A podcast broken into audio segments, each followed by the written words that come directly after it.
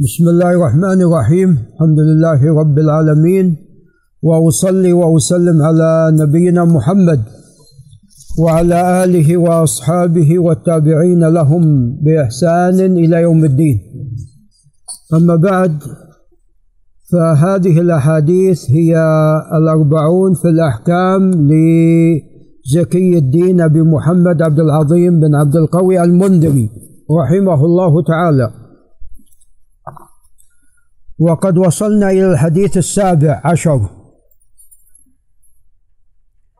قال عن عبد الله بن عمر وأبي هريرة رضي الله تعالى عنهما أنهما سمعا رسول الله صلى الله عليه وسلم يقول على أعواد منبره لينتهين أقوام عن ودعهم الجمعات.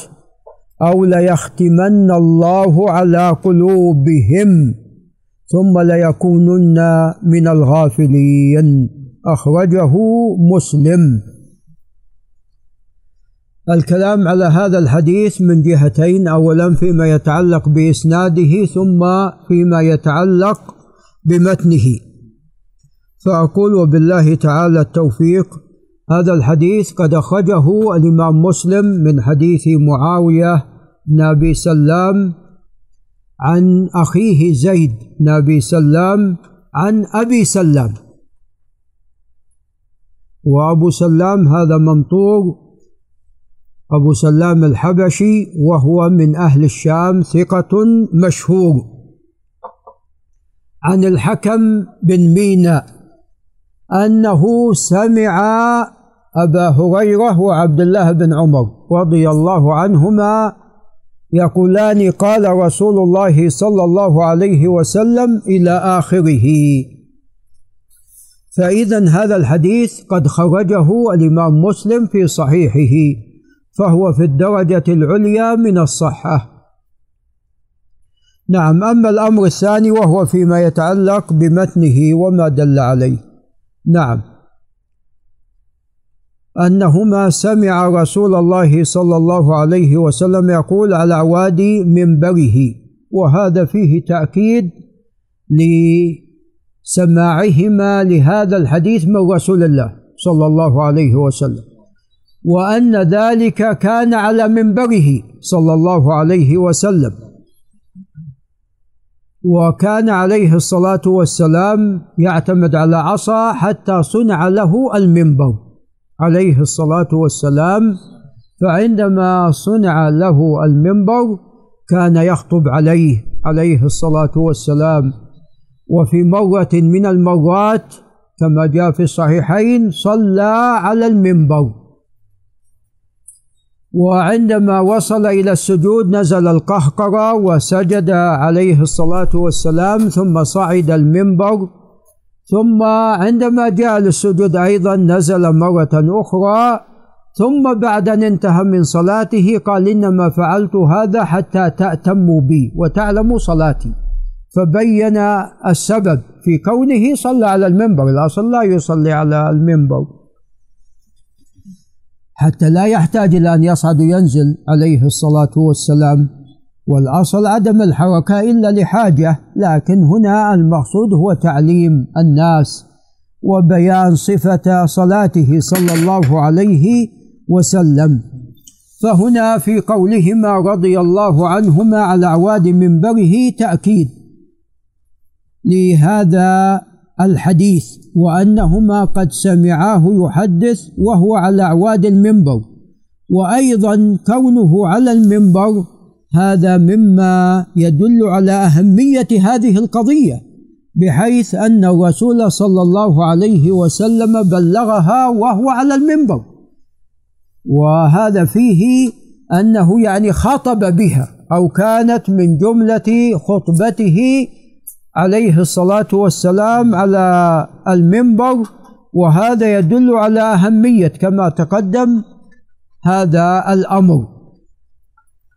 ولا شك أن في صعوده على المنبر وتحديثه يعني هذا في الشيء الأصل في الأشياء المهمة. نعم وكل ما حدث به عليه الصلاة والسلام مهم ولكن المقصود بيان يعني في شيء أهم من شيء. نعم. قال عليه الصلاة والسلام لينتهين هذا فيه زجر لهؤلاء الأقوام. وأمر لهم بالانتهاء. عن ماذا؟ عن ودعهم الجمعات. والمقصود بودعهم أي تركهم للجمعات. نعم فهذا زجر لهم عن هذا الفعل. وهذا يفيد أن حضور الجمعة واجب. ولذا هنا دعاهم إلى الانتهاء عن تركهم. للجمعات. وزجرهم عن ذلك. وما بعده يؤيد هذا. قال أو ليختمن الله على قلوبهم. فلولا أنهم قد تركوا أمرا مفروضا وشيئا واجبا لما جاء هذا الوعيد الشديد. نعوذ بالله من ذلك. وهو أن يختم على قلوبهم. وإذا ختم على قلب الإنسان فلا تسأل عن حاله لأنه يصبح لا يعرف معروفا ولا ينكر منكرا لأنه مختوم على قلبه فلا يميز بين الحق والباطل وبين الهدى من الضلال. ولذا قال بعد ذلك ثم ليكونن من الغافلين. إذا ختم على قلوبهم أصبحوا من الغافلين. نعوذ بالله من ذلك. وقد نهانا الله عز وجل عز وجل عن الغفلة. وذم من وقع في الغفلة. فإذا هؤلاء قد وقعوا في كبائر ليس فقط في أمر قد نهي عنه بل هو كبيرة من كبائر الذنوب. نعم. وذلك لهذا الوعيد الذي جاء في هذا الحديث. ولا شك أن صلاة الجمعة أمرها عظيم وشأنها كبير وهي تؤدى في يوم عظيم. وهذا اليوم قد جاء بأنه يوم عيد. نعم لكن عيد ليس على الإطلاق. نعم. وإنما هو عيد الأسبوع. ولذا يجوز أن تصوم الجمعة إذا ضممت إلى الجمعة يوما قبلها أو أو يوما بعدها. أما العيد المطلق فلا يجوز كما تعلمون سواء ضميت إليه يوم قبله أو لم تضم.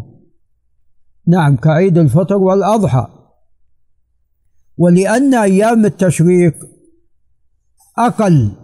في كونها عيد يجوز صيامها لمن حج متمتعا ولم يجد الهدي ولم يصم. الثلاثة أيام في الحج ما صام يعني قبل عرفة. فيجوز في مثل هذه الحالة فقط لمن حصل له ذلك أن يصوم أيام التشريق وإلا كما في طبعا أثر عائشة وابن عمر في البخاري وإلا فلا يجوز. ولذا في حديث نبيش الهذلي وهو في مسلم أنه أرسل عليه الصلاة والسلام من ينادي بأن هذه الأيام أيام أكل وشرب وذكر لله عز وجل. نعم. وجاء عند الدار قطني بعد زيادة أنها أيام بعال. نعم. فيوم الجمعة يوم عظيم وفيه ساعة عظيمة يستجاب فيها الدعاء وقد اختلف في هذه الساعة على أقوال كثيرة بلغت الأربعين وأقواها القول بأنها من صعود الإمام على المنبر إلى انقضاء الصلاة أو آخر ساعة من يوم الجمعة. وإذا تيسر للعبد أن يدعو في هذين الوقتين فهذا لا شك إنه هو الأولى والأحسن والأكمل. نعم حتى لو لم تكن الساعة التي يصعد فيها الإمام على المنبر يكون هو قد دعا في الساعة الثانية آخر ساعة وإذا لم تكن هذه يكون قد دعا متى؟ عندما صعد نعم الإمام على المنبر. نعم. يعني عندما يصعد قبل أن يبتدئ يدعو خاصة في أثناء الأذان يردد ويدعو وإلى أن يشرع الإمام في فيستمع له إلى أن يشرع الخطيب بالخطبة فيستمع له. لو دعا بين الخطبتين نعم أو نعم إلى أو في أثناء الصلاة إلى انقضاء الصلاة. نعم. ثم قال المصنف الحديث الثامن عشر. قال عن جابر بن سمرة وجابر بن سمرة رضي الله تعالى عنه هو بن جنادة. وسمرة بن جنادة والد جابر صحابي وابنه جابر صحابي فهو صحابي ابن صحابي رضي الله تعالى عنهما. وهما من بني عامر. هما من بني سواه من بني عامر بن صعصعة.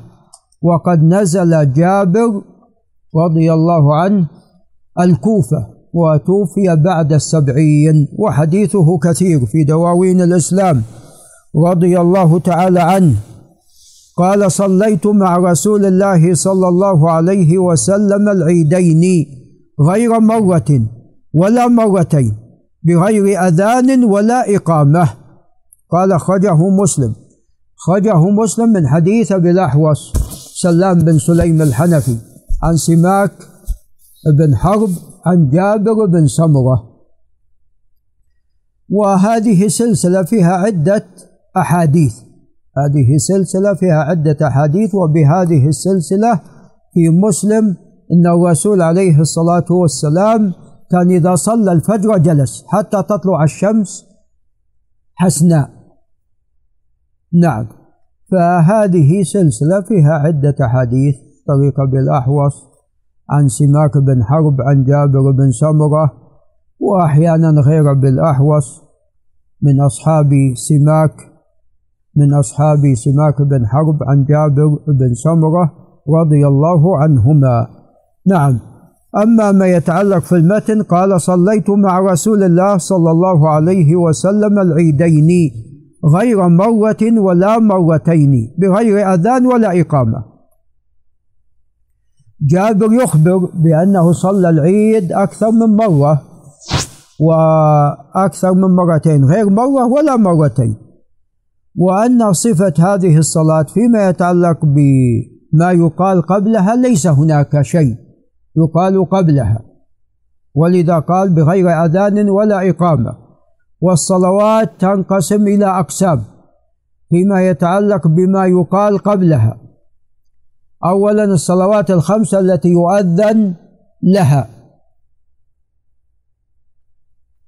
وليس غيرها مما يؤذن لها والجمعة طبعا داخلة في ذلك والجمعة نعم يعني خصت في عهد عثمان بزيادة أذان من أجل أن لا تفوت هذه الجمعة. نعم وهذا كله مما يدل على أهميتها كما تقدم. نعم فأقول الجمعة داخلة في مسألة الصلوات الخمس. نعم لأن الإنسان إذا فاتته الجمعة كما تعلمون صلى الظهر. نعم فأولا الصلوات الخمس هي التي ينادى لها قبلها بالأذان. القسم الثاني الصلوات التي ينادى قبلها ليس بالأذان وإنما ينادى بالصلاة جامعة. وأحيانا يكون هذا مع الأذان. أحيانا يكون هذا مع الأذان. ينادى بالأذان ويقال الصلاة جامعة. كما في حديث عبد الرحمن بن عبد رب الكعبة عن عبد الله بن عمرو بن العاص رضي الله تعالى عنهما. قال سافرنا مع رسول الله عليه الصلاة والسلام في سفرة فنزلنا منزلا. فمنا من ينتظر ومنا من كان في جشره فنادى المنادي الصلاة جامعة هنا ينادى بالأذان ويقال الصلاة جامعة تأكيد على ماذا؟ على الاجتماع. ولذا قال جيت. جاء عبد الله بن عمرو بن العاص فإذا هو عليه الصلاة والسلام يحدث يقول إن أمتكم هذه جعل الله عافيتها في أولها. ما من نبي بعثه الله في أمة قبلي إلا كان حقا عليه أن يدل أمته على خير ما يعلمه لهم ويحذرهم من شر ما يعلمه لهم وإن أمتكم هذه جعل عافيتها في أولها. الحديث. الشاهد من هذا أنه قال نادى المنادي الصلاة جامعة. نعم. طبعا يعني إذا كان هناك عذر يقال صلوا في ماذا؟ في رحالكم. إذا كان هناك عذر في سقوط الجماعة عكس الصلاة الجامعة يقال صلوا في رحالكم. يعني هنا مرخص لكم في الصلاة في الرحال. نعم. وهذا إما أن يكون بدل الحي علتين أو يكون معهما بعد. بعد الله أكبر الله أكبر لا إله إلا الله ثم يقال صلوا في رحالكم. صلوا في رحالكم. نعم. فإذا القسم الثاني الأذان مع التأكيد بحضور الصلاة الصلاة جامعة. يضاف إلى الأذان. أو إذا كان رخصة يقال صلوا في رحالكم. القسم الثالث هي الصلاة التي ينادى لها بدون أذان ولكن يقال الصلاة جامعة وهي صلاة الكسوف والخسوف. فكما في حديث عبد الله بن عمرو بن العاص في البخاري الصلاة جامعة. نعم. والصلاة جامعة يعني هذه الجملة تدل على وجوب ماذا؟ على وجوب هذه الصلاة.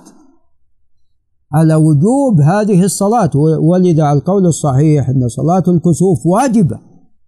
ولذا قال عليه الصلاة والسلام إذا رأيتم ذلك أي الكسوف أو الخسوف فافزعوا إلى الصلاة. فافزعوا. فأمر بالفزع إلى الصلاة. فينبني على هذا أحكام. نعم. القسم الرابع الصلوات التي لا ينادى لها بشيء لا بأذان ولا يقال الصلاة جامعة وهي صلاة العيدين وباقي الصلوات من غير ما ذكر من النوافل. نعم.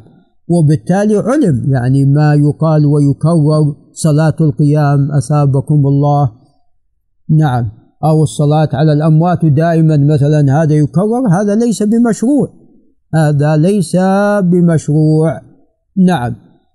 نعم إذا احتج إليه في بعض الأحيان من أجل التنبيه وخاصة في المساجد الكبيرة. نعم. يعني قد الإمام يشرع وقد يعني خاصة مثلا في صلاة الجنازة يعني تفوت بعض التكبيرات والشخص لم ينتبه. فإذا احتوج إلى التنبيه نعم ينبه. ويعني أيضا بعضهم نعم يلتزم. الأموات رجال ونساء وأطفال مثلا أو خمسة من الرجال وثلاثة من النساء وطفل. يعني المداومة على هذا المداومة على هذا أو الإكثار منه هذا ليس بمشروع. يعني بعض الناس يقول أنا بعض الأئمة يقول هالكلام يقول حتى من أجل العظة والعبرة.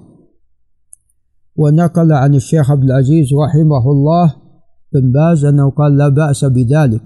والذي يظهر أن الشيخ عبد العزيز رحمه الله يعني أحيانا إذا قيل ذلك. وأما الإكثار الإكثار يدري الشيخ حسن الإكثار يعني نعم يعني أحيانا يعني من باب نعم أخذ العظة والعبرة نعم وأما يعني الإكثار والمبالغة في هذا فهذا فيه نظر كما تقدم.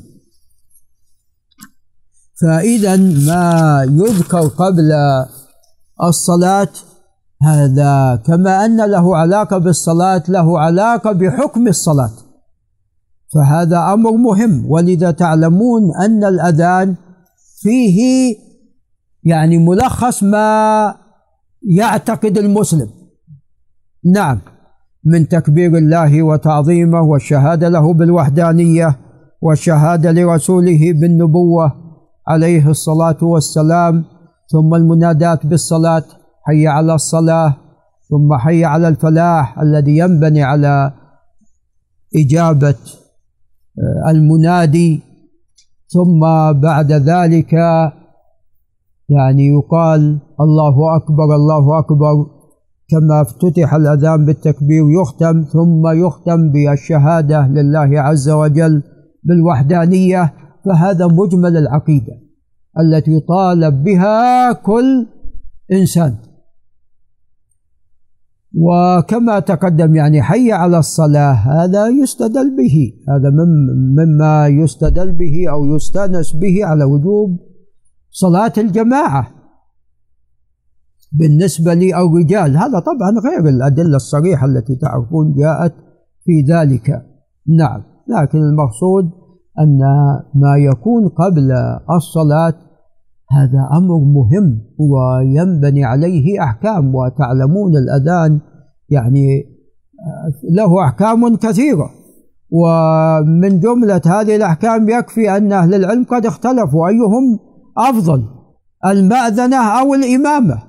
وظاهر النصوص أن أن المأذنة أفضل من الإمامة. نعم لما جاء فيها من الفضل.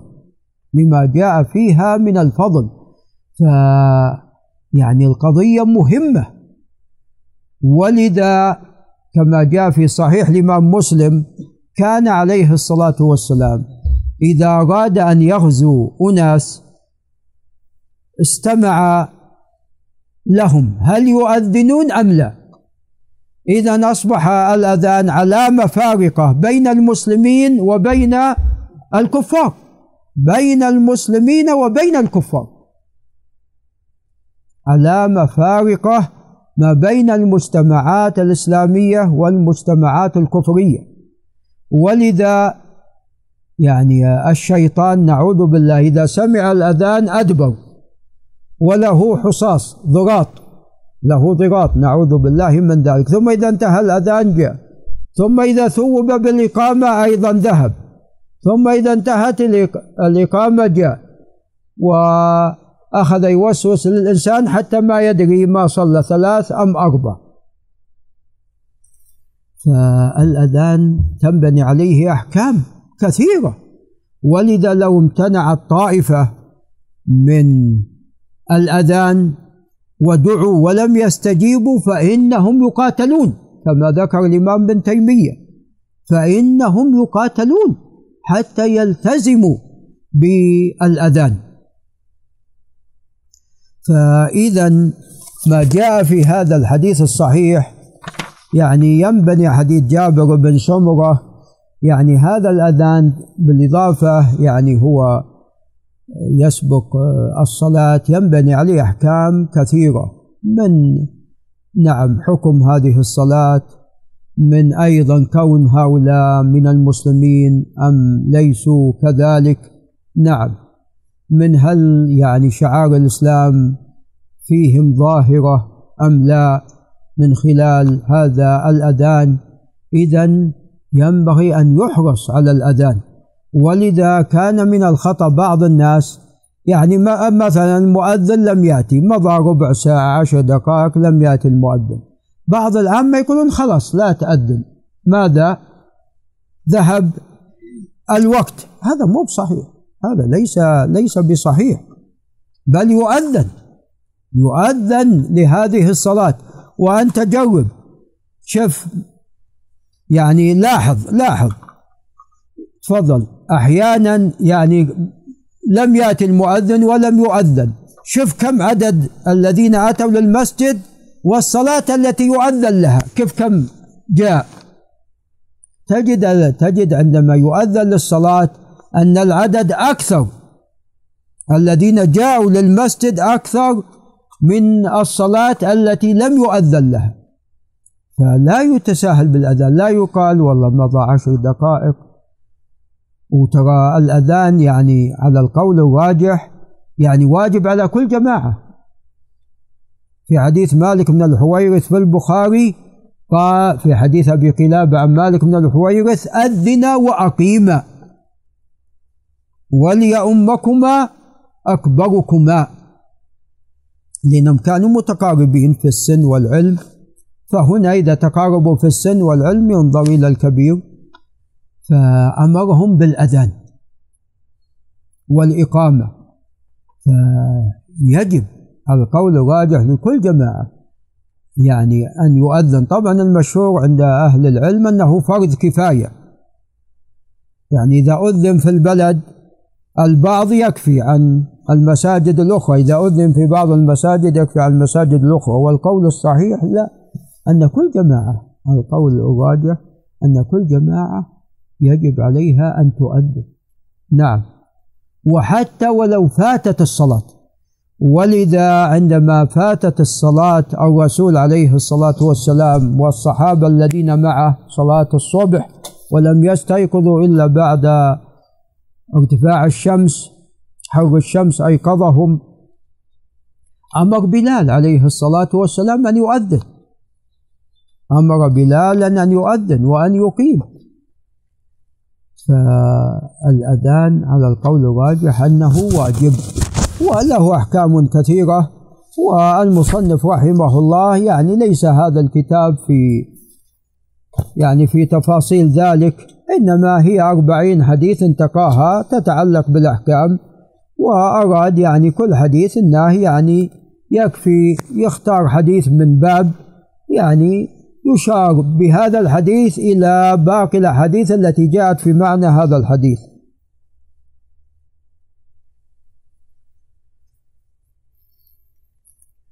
قال الحديث التاسع عشر. عن يعلى بن أمية رضي الله تعالى عنه. قال قلت لعمر بن الخطاب رضي الله تعالى عنه ليس عليكم جناح أن تقصروا من الصلاة إن خفتم أن يفتنكم الذين كفروا. ظاهر هذه الآية أنه لا تقصر الصلاة إلا عند الخوف. إلا عند ماذا؟ عند الخوف. هذا ظاهر الآية الكريمة. ولذا قال يعلى فقد أمن الناس. خلاص. يعني الخوف قد زال والدين تمكن. يعني في عهد عمر والفتوحات قائمة على قدم وساق. نعم. فقال لي أمير المؤمنين عمر بن الخطاب رضي الله عنه وهذا الظاهر في أيام خلافته. قال فقد أمن الناس فقال عجبت مما عجبت منه يقول عمر ليعلى بن أمية.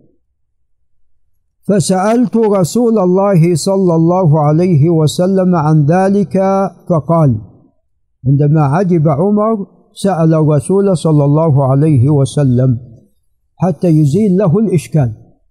وهذا في كل قضية مشكلة. علينا أن نرجع إلى الكتاب والسنة حتى يزول هذا الإشكال. وإذا لم يرجع إلى الكتاب والسنة نعوذ بالله فإن الإشكال باقي. وسوف يزداد هذا الإشكال. فإنما تزال الإشكالات والوساوس وما اختلف فيه بالرجوع إلى كتاب الله وإلى سنة رسوله صلى الله عليه وسلم.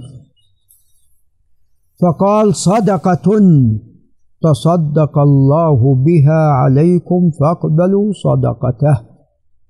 فأزال عليه الصلاة والسلام الإشكال. إذا قصر الصلاة صدقة. في غير الخوف قصر الصلاة في غير الخوف صدقة. تصدق الله بها علينا. نعم. وإلا لو لم تكن هذه لو لم يكن هذا الحديث قد جاء فيكون ولم تأتي أيضا لم يأتي يعني الأحاديث في سفره أنه عليه الصلاة والسلام كان يقصر من الصلاة إذا كان لا يكون القصر إلا في حالة الخوف نعم. والقصر هذا طبعا ينقسم إلى قسمين. قصر قصر لركعات الصلاة وقصر لأركانها وما يتعلق بها من شروط. نعم. أما قصر لركعات الصلاة فهذا أيضا كما يكون في السفر يعني أحيانا نعم كما يكون في كما يكون في الخوف هو في السفر أيضا كما في الحديث. فليس قصر الأركان هذا ليس خاصا في الخوف. ولكن تتميز صلاة الخوف بزيادة في القصر. قصر أيضا حتى لبعض الأركان. أولا ممكن صلاة الخوف تؤدى ركعة واحدة كما ثبت ذلك في مسلم. نعم. كما في حديث ابن عباس. نعم. بينما في السفر لا يمكن كما تعلمون ذلك. إنما القصر للصلاة الرباعيه فقط. نعم. إنما القصر للصلاة الرباعيه فقط. نعم. وأما ما يتعلق بقصر الأركان وبعض الشروط المتعلقة في الصلاة فتعلمون أن صلاة الخوف مختصة بهذه الأمور عند الحاجة إليها. اولا فيما يتعلق باستقبال القبلة. لو كان العدو بعكس القبلة تتجه تتجه للقبلة ولا للعدو؟ لا شك تتجه للعدو وإلا فإن العدو سوف يأتيك. نعم. كما حصل في أحد عندما جاء خالد بن الوليد رضي الله عنه وذلك قبل إسلامه جاء إلى المسلمين من الخلف عندما ترك الرماة مكانهم وقالوا خلاص الكفار قد انهزموا وأن نصل للمسلمين فإننا نريد أن نأخذ الغنائم ولا في ما في حاجة إلى أن نبقى في أماكننا. نعم. أيضا فيما يتعلق بالحركة. والذهاب إلى وجاه العدو. وهذا كله في أثناء الصلاة. إلى أن قال عز وجل فإن خفتم فرجالا أو ركبانا. إذا خفتم يعني أنتم راجلين على أرجلكم تمشون وتصلون أو راكبين. وهذا عند المسايفة وعند يعني لا يمكن هنا الاجتماع والانقسام قسمين قسم يكون وجاه العدو وقسم يصلي فهنا كل واحد يصلي على حسب حاله.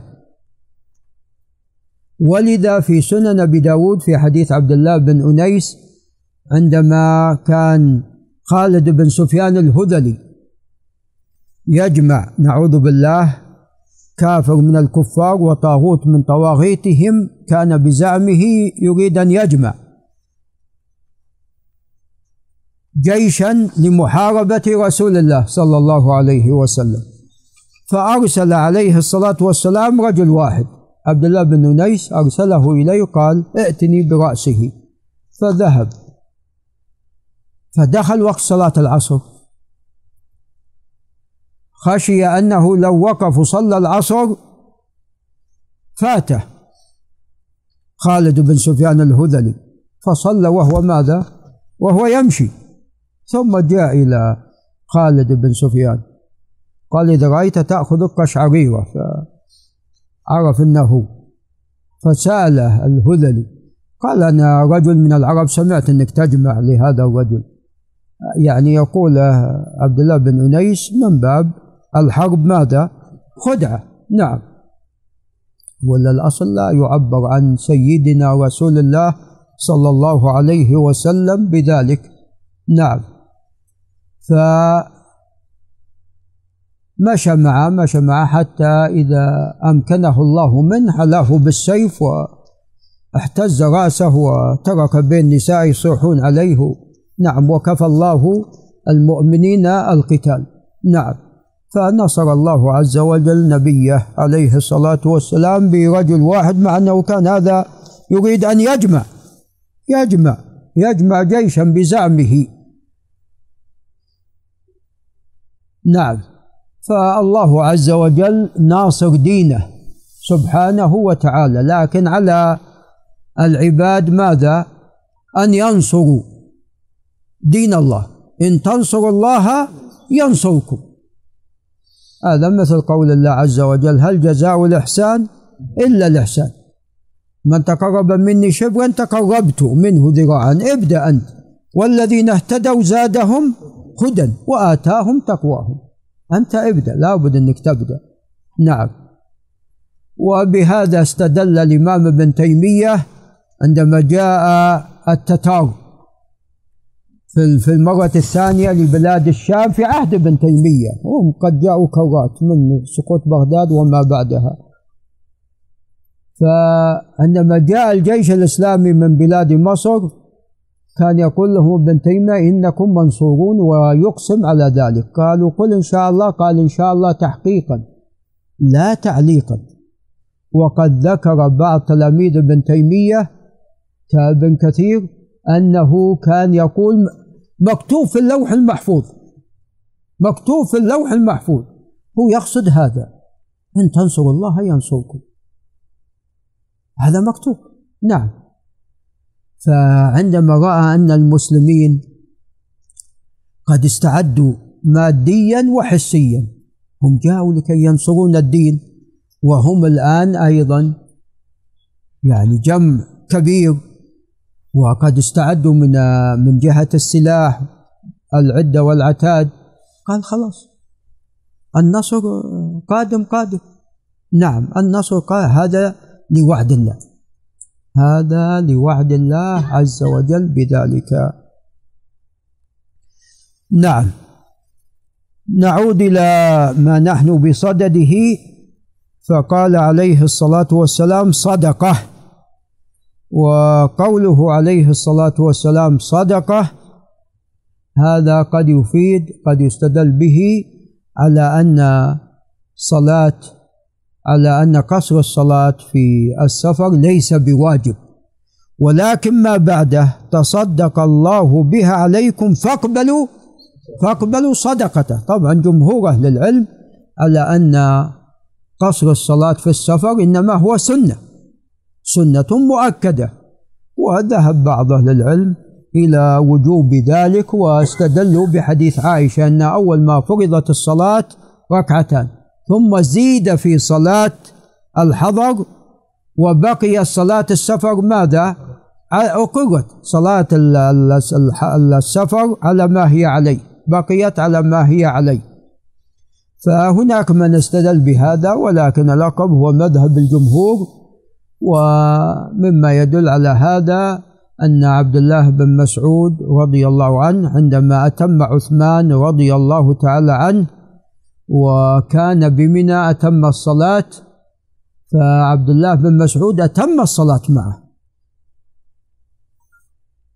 وقال إن هذا خلاف السنة ولو كان يرى أن صلاة السفر ركعتين واجبة ولا تجوز الزيادة كما صلى. نعم أربع تامة. فقيل لا قال الخلاف شر. فهذا خلاف نعم يعني إتمام الصلاة في حال السفر هذا خلاف السنة. نعم. هذا الحديث قد أخرجه الإمام مسلم من حديث عبد الله بن إدريس الأودي عن ابن جريج عبد الملك بن عبد العزيز الأموي مولاهم المعروف بابن جريج المكي. عن ابن أبي عمار وابن أبي عمار قد خرج له مسلم وهو ثقة لكن له بعض الأوهام يعني بعض الأشياء التي تستغرب عن عبد الله بن, بن بابيه وهو ثقة. عن يعلى بن أمية. قال الحديث العشرون.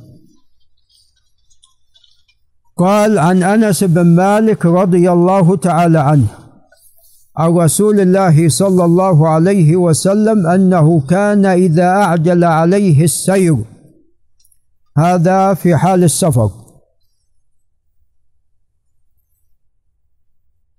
وفي مسلم عجل عليه السير.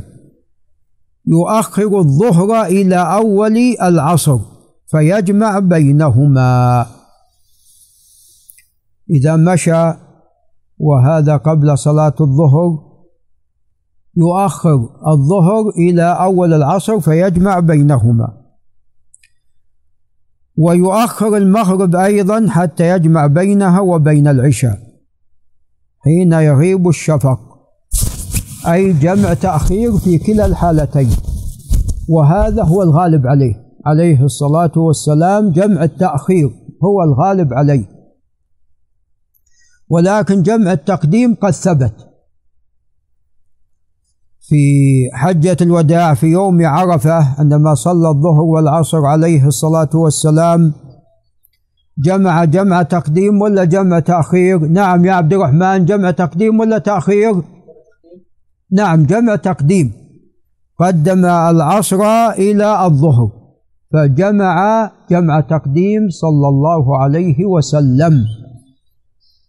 ولذا قال بعض أهل العلم قالوا هنا يعني الأرفق والشيء اللي فيه أرفق للمسافر فيه رفق بالمسافر يفعله من جمع التقديم أو جمع التأخير والذي ثبت كما تقدم الغالب هو جمع التأخير ولكن أيضا جمع التقديم قد ثبت أيضا عنه صلى الله عليه وسلم.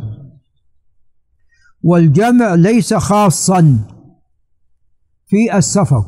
الجمع ليس خاصا في السفر وإنما أيضا يعني القصر هذا نعم يكون في السفر ويكون في حال الخوف لكن بالنسبة للجمع يكون في الحضر قد يكون في الحضر وليس هناك خوف كما ثبت في الصحيحين في حديث ابن عباس أنه جمع عليه الصلاة والسلام بين الظهر والعصر فصلى أربعا وماذا؟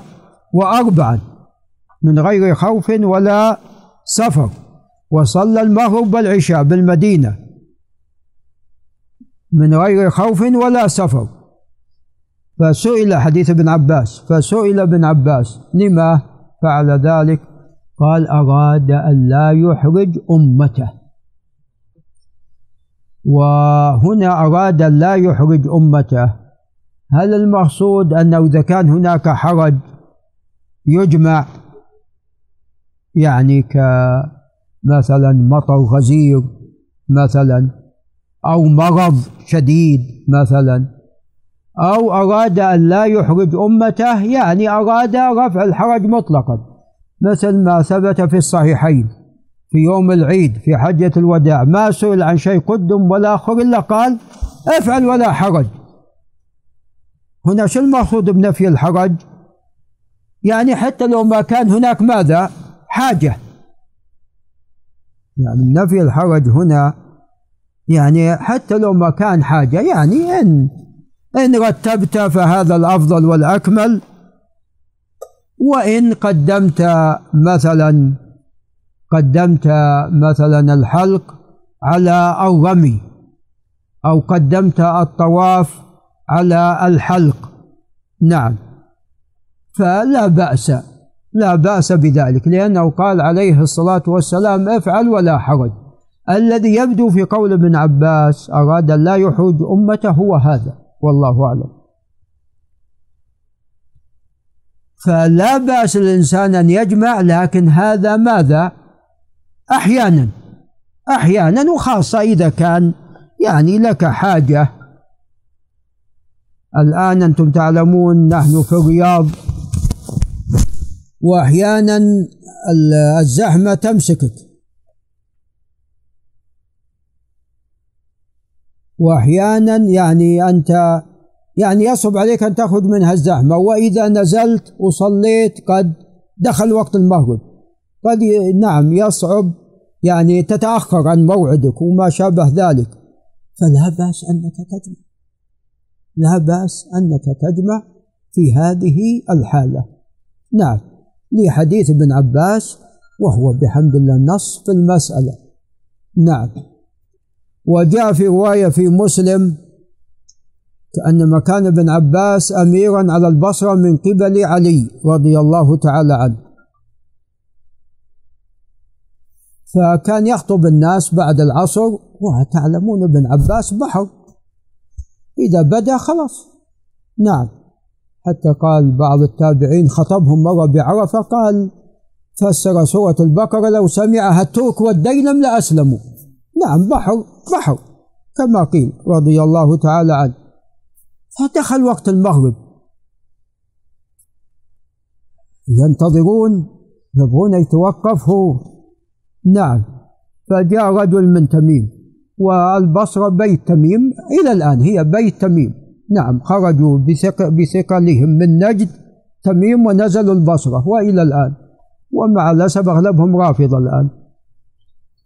يعبدون الأوثان من القبور وغير ذلك.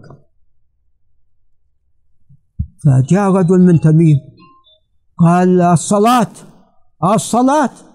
أخذ ينادي بابن عباس الصلاة. اشتبكت النجوم. الصلاة. قال لا أم لك تعلمني بالسنة كنا نجمع بين الصلاتين على عهد رسول الله صلى الله عليه وسلم. عبد الله بن شقيق العقيلي من أجلة التابعين. عندما سمع ابن عباس تعجب وراح سأل أبو هريرة فأقره على ذلك. أقر ابن عباس على ذلك. نعم. فإذا حصل مثل هذا الجمع يعني عند حاجة فلا بأس بذلك. وفي هذا طبعا أن الدين يسر بحمد الله. ولذا يعني خاصة فيما سبق يعني تجمع يعني شرع لك تجمع بين الصلاتين هذا تخفيف عليك يا أيها المسافر. نعم وتيسير لك. نعم. وطبعا الجمع لا يكون إلا بين صلاتين. لا يكون طبعا كما تعلمون أكثر من ذلك. نعم. وصلاة الفجر لا يمكن أن تجمع إلى غيرها وإنما الظهر والعصر والمغرب والعشاء. نعم. طبعا هناك شيء اسمه الجمع الصوري وهو أن تؤخر الصلاة الأولى كالظهر مثلا إلى آخرها. إلى آخر وقتها وتقدم العصر إلى أول وقتها. فهذا يسمى جمع صوري لأنك أتيت بكلا الصلاتين في ماذا؟ في وقتها. وبعضهم حمل حديث ابن عباس على هذا وقد وقع في رواية عند النسائي. ولكن الصواب كما في الصحيحين جمع حقيقي. جمع حقيقي. وأما إذا كان صوري فهذا كل صلاة في وقتها. نعم. وإنما جمع حقيقي.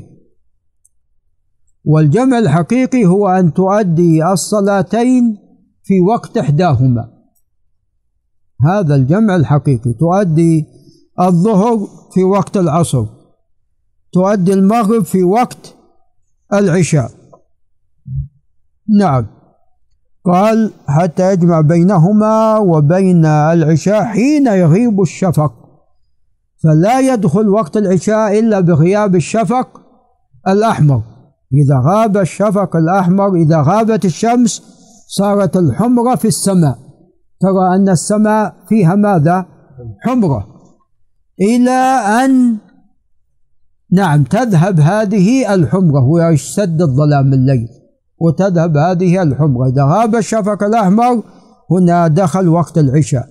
فهنا لا يصلي في الجمع يعني يقول يصلي المغرب عند غياب الشفق الأحمر. يعني صلاها في وقت العشاء ولم يصليها في وقت المغرب. لو كان صلاها في الشفق الأحمر ثم بعد انتهاء الصلاة غاب الشفق الأحمر فصلى راسا العشاء هذا صوري لا هنا الجمع حقيقي. نعم هذا الحديث قد خرجه الشيخان من حديث عقيل بن خالد بن عقيل الأموي عن الزهري عن أنس بن مالك رضي الله تعالى عنه وهذا من أصح الأسانيد. ولعل نقف عند هنا. هذا وبالله تعالى التوفيق. تفضل.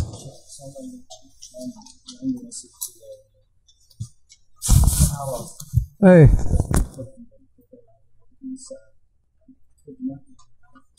والله بالنسبة لغسيل الكلى يجمع لأن هذا شخص مريض. هذا شخص مريض. وأيضا يعني مثله طبيب عنده عملية والعملية يعني ساعات فأيضا هذا نعم يجمع. العملية ساعات فهذا أيضا يجمع. وبالنسبة للكويفيرا يعني هذا يجوز لها الجمع. ما لم يعني يكثر هذا الشيء منها لأن الرسول عليه الصلاة والسلام يعني هذا جمع في ترف في زيادة. إنما جمع يعني في هذه المرة أراد أن لا يحرج أمته. فإن حصل هذا أحيانا فلا بأس والله أعلم. نعم.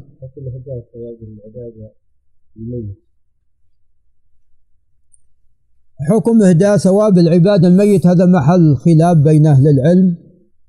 في غير ما اتفق عليه والذي اتفق عليه الحج والعمرة والصدقة والدعاء هذه كلها تصل نعم والأضحية وغير ذلك قد وقع فيه الاختلاف والصواب والله أعلم أن باقي الأعمال أيضا تصل لأن مثلها مثل باقي الأعمال مثل الأعمال الباقية مثلها مثل ما جاء به النص حج عن أبيك واعتمر.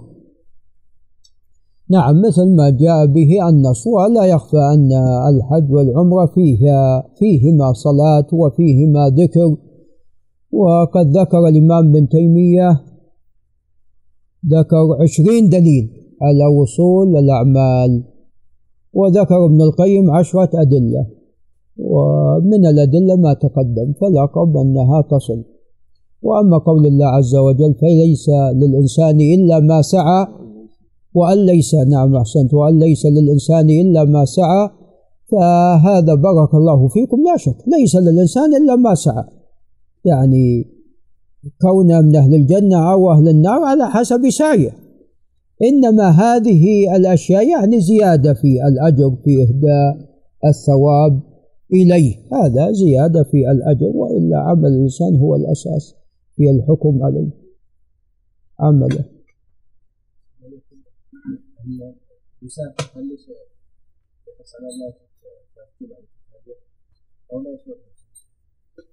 المسافر أنت تقصد إذا نزل في بلد تقام فيه الجمعة والجماعة. لا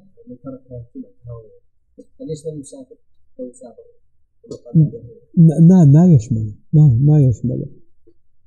ما, ما يشمل لأن هذا معذور مسافر. نعم قبل النداء لها النداء الذي يكون عند دخول الخطيب. النداء الذي يكون عند دخول الخطيب وليس الذي قبل. إذا نودي للصلاة من يوم الجمعة فاسعوا فهنا نعم عليه إذا نودي للصلاة أن يسعى أما أن كان خرج قبل ما. نعم. لا ما يجزي يعني الأذان الإلكتروني ما يجزي.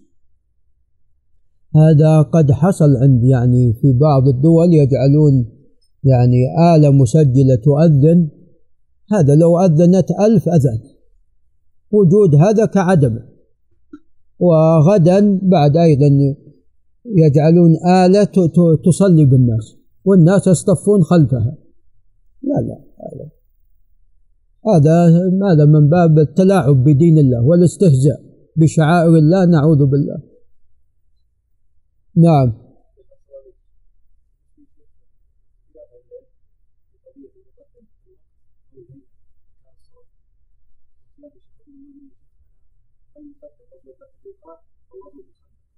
نعم.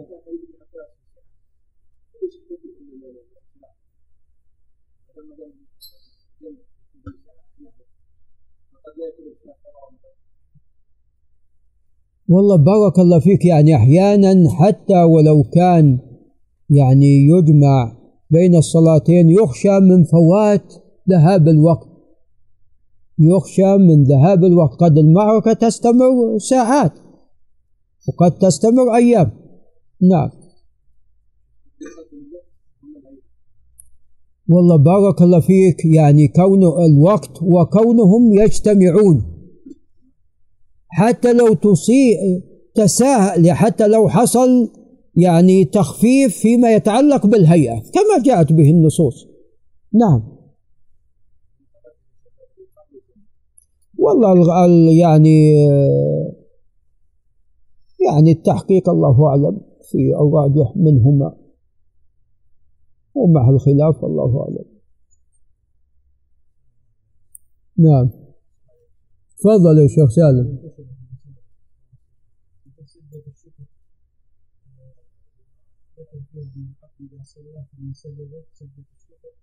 فتح الكتاب بين وبين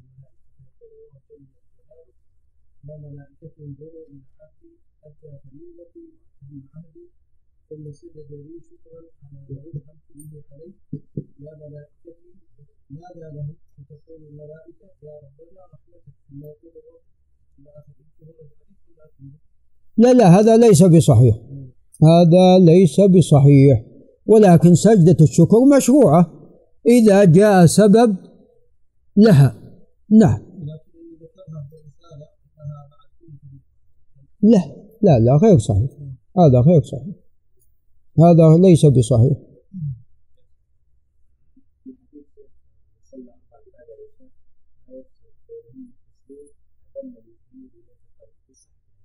هذا أثر أثر مرفوع لا. وإنما جاءت آثار عن عبد الله بن مسعود وعن بارك الله فيك أبي هريرة.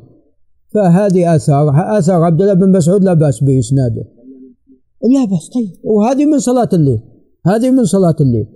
كل ما يصلى بعد العشاء غير الراتبة غير الصلاة التي لها يعني معينة مثلا صلاة استخارة غير ذلك. ما كان تطوعا مطلقا فالأصل أن هذا من قيام الليل.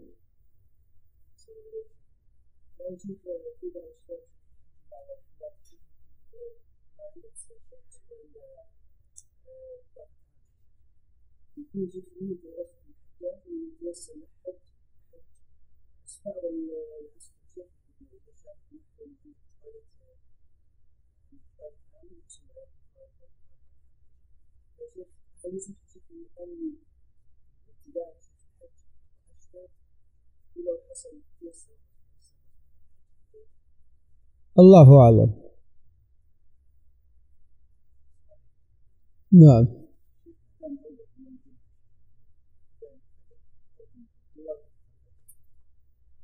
الأذان الأول يردد خلفه. قد يعني تقريبا اتفق الصحابة تقريبا عليه.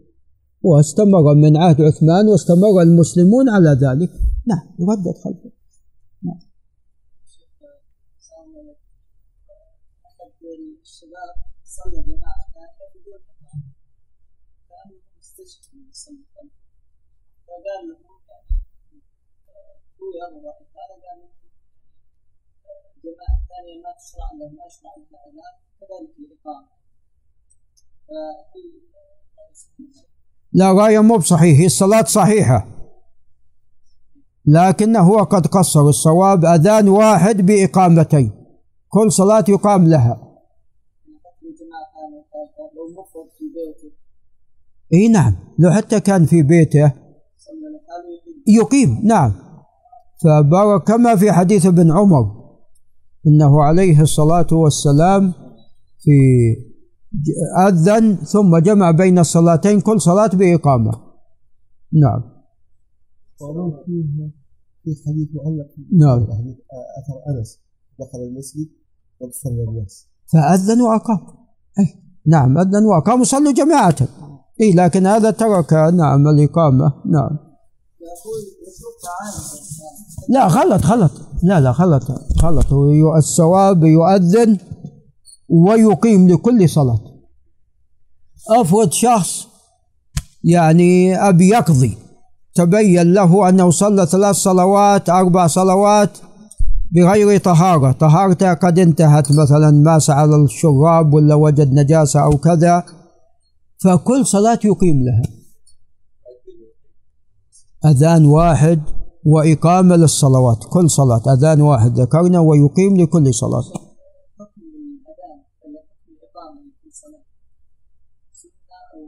والله كما تقدم جاء الأمر به بهما فأذن وأقيما أذن وإذا كانوا جماعة فعليهم أن يؤذنون ويقيمون لكن الصلاة صحيحة. لو لم يحصل أذان ولا إقامة حصل لهم تقصير في هذا الجانب. لكن الصلاة صحيحة.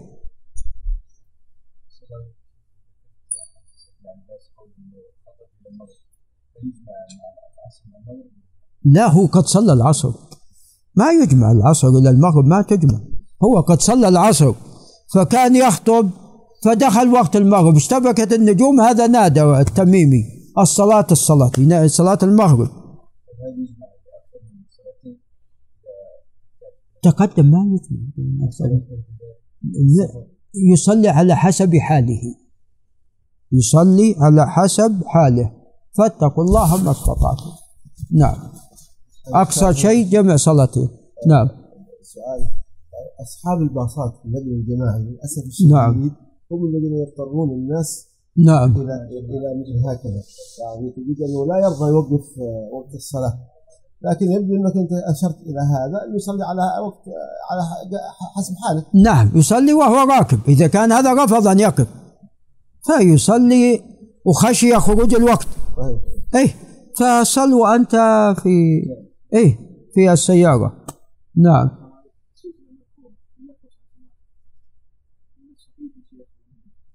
اي نعم من الصحيح. الصحيح يعني إسنادها جيد وسماك. يعني على القول الراجح أنه جيد الحديث من رواية المتقدمين عنه نعم. له بعض الأوهام وقد تغير حفظه. نعم. لا هو ينظر في تلاميذه. هو معروف بروايه عن جابر بن له عده أحاديث. لكن هنا ينظر إلى تلاميذه من سمع منا شعبة والثوري مثلا. إيه ذولي لا شك روايتهم في الدرجة العليا. أبو الأحواس لم يذكر أنه ليس من طبقة شعبة والثوري لكن قد توبع هنا. الإمام مسلم خرج حتى يعني هو الأصل في حديثه الاستقامة حتى لو من رواية من روى عنه بعد أن تغير فهذا التغير خفيف. ليس شديد. مثل ما قال الذهبي عن أبي إسحاق السبيعي قال تغير ولم يختلط. ولم يختلط. نعم.